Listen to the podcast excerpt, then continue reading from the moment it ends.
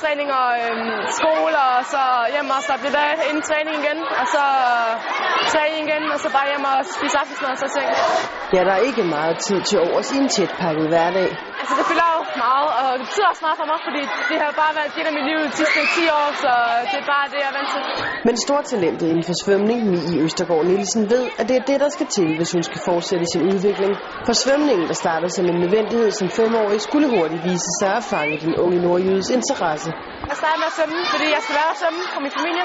Og så er min største svømmer på konkurrenceplan, og jeg synes, det så sjovt ud, og hun hygger sig med venner. Og så bestemte jeg så mig også for at komme videre og prøve at se, hvordan det var.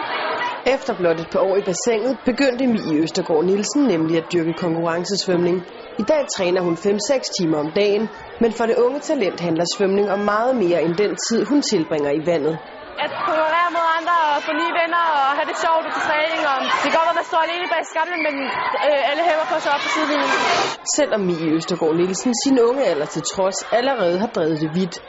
Som da hun for eksempel tidligere på måneden var med til at vinde EM-guld i 4 gange 50 meter medley, drømmer hun især om at deltage ved en helt særlig begivenhed.